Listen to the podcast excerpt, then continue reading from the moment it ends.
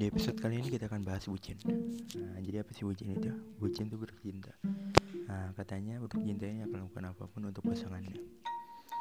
Dan juga ada satu kata, ada satu kalimat, semua akan bucin pada waktunya. Waduh, bucin gimana nih?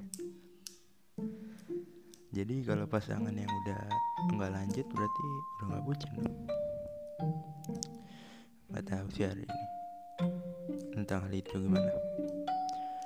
Mungkin kalian bisa sharing juga tentang bucin gimana. Jadi episode kali ini cukup sampai di situ. Saya manusia berlayar pamit. Sampai jumpa.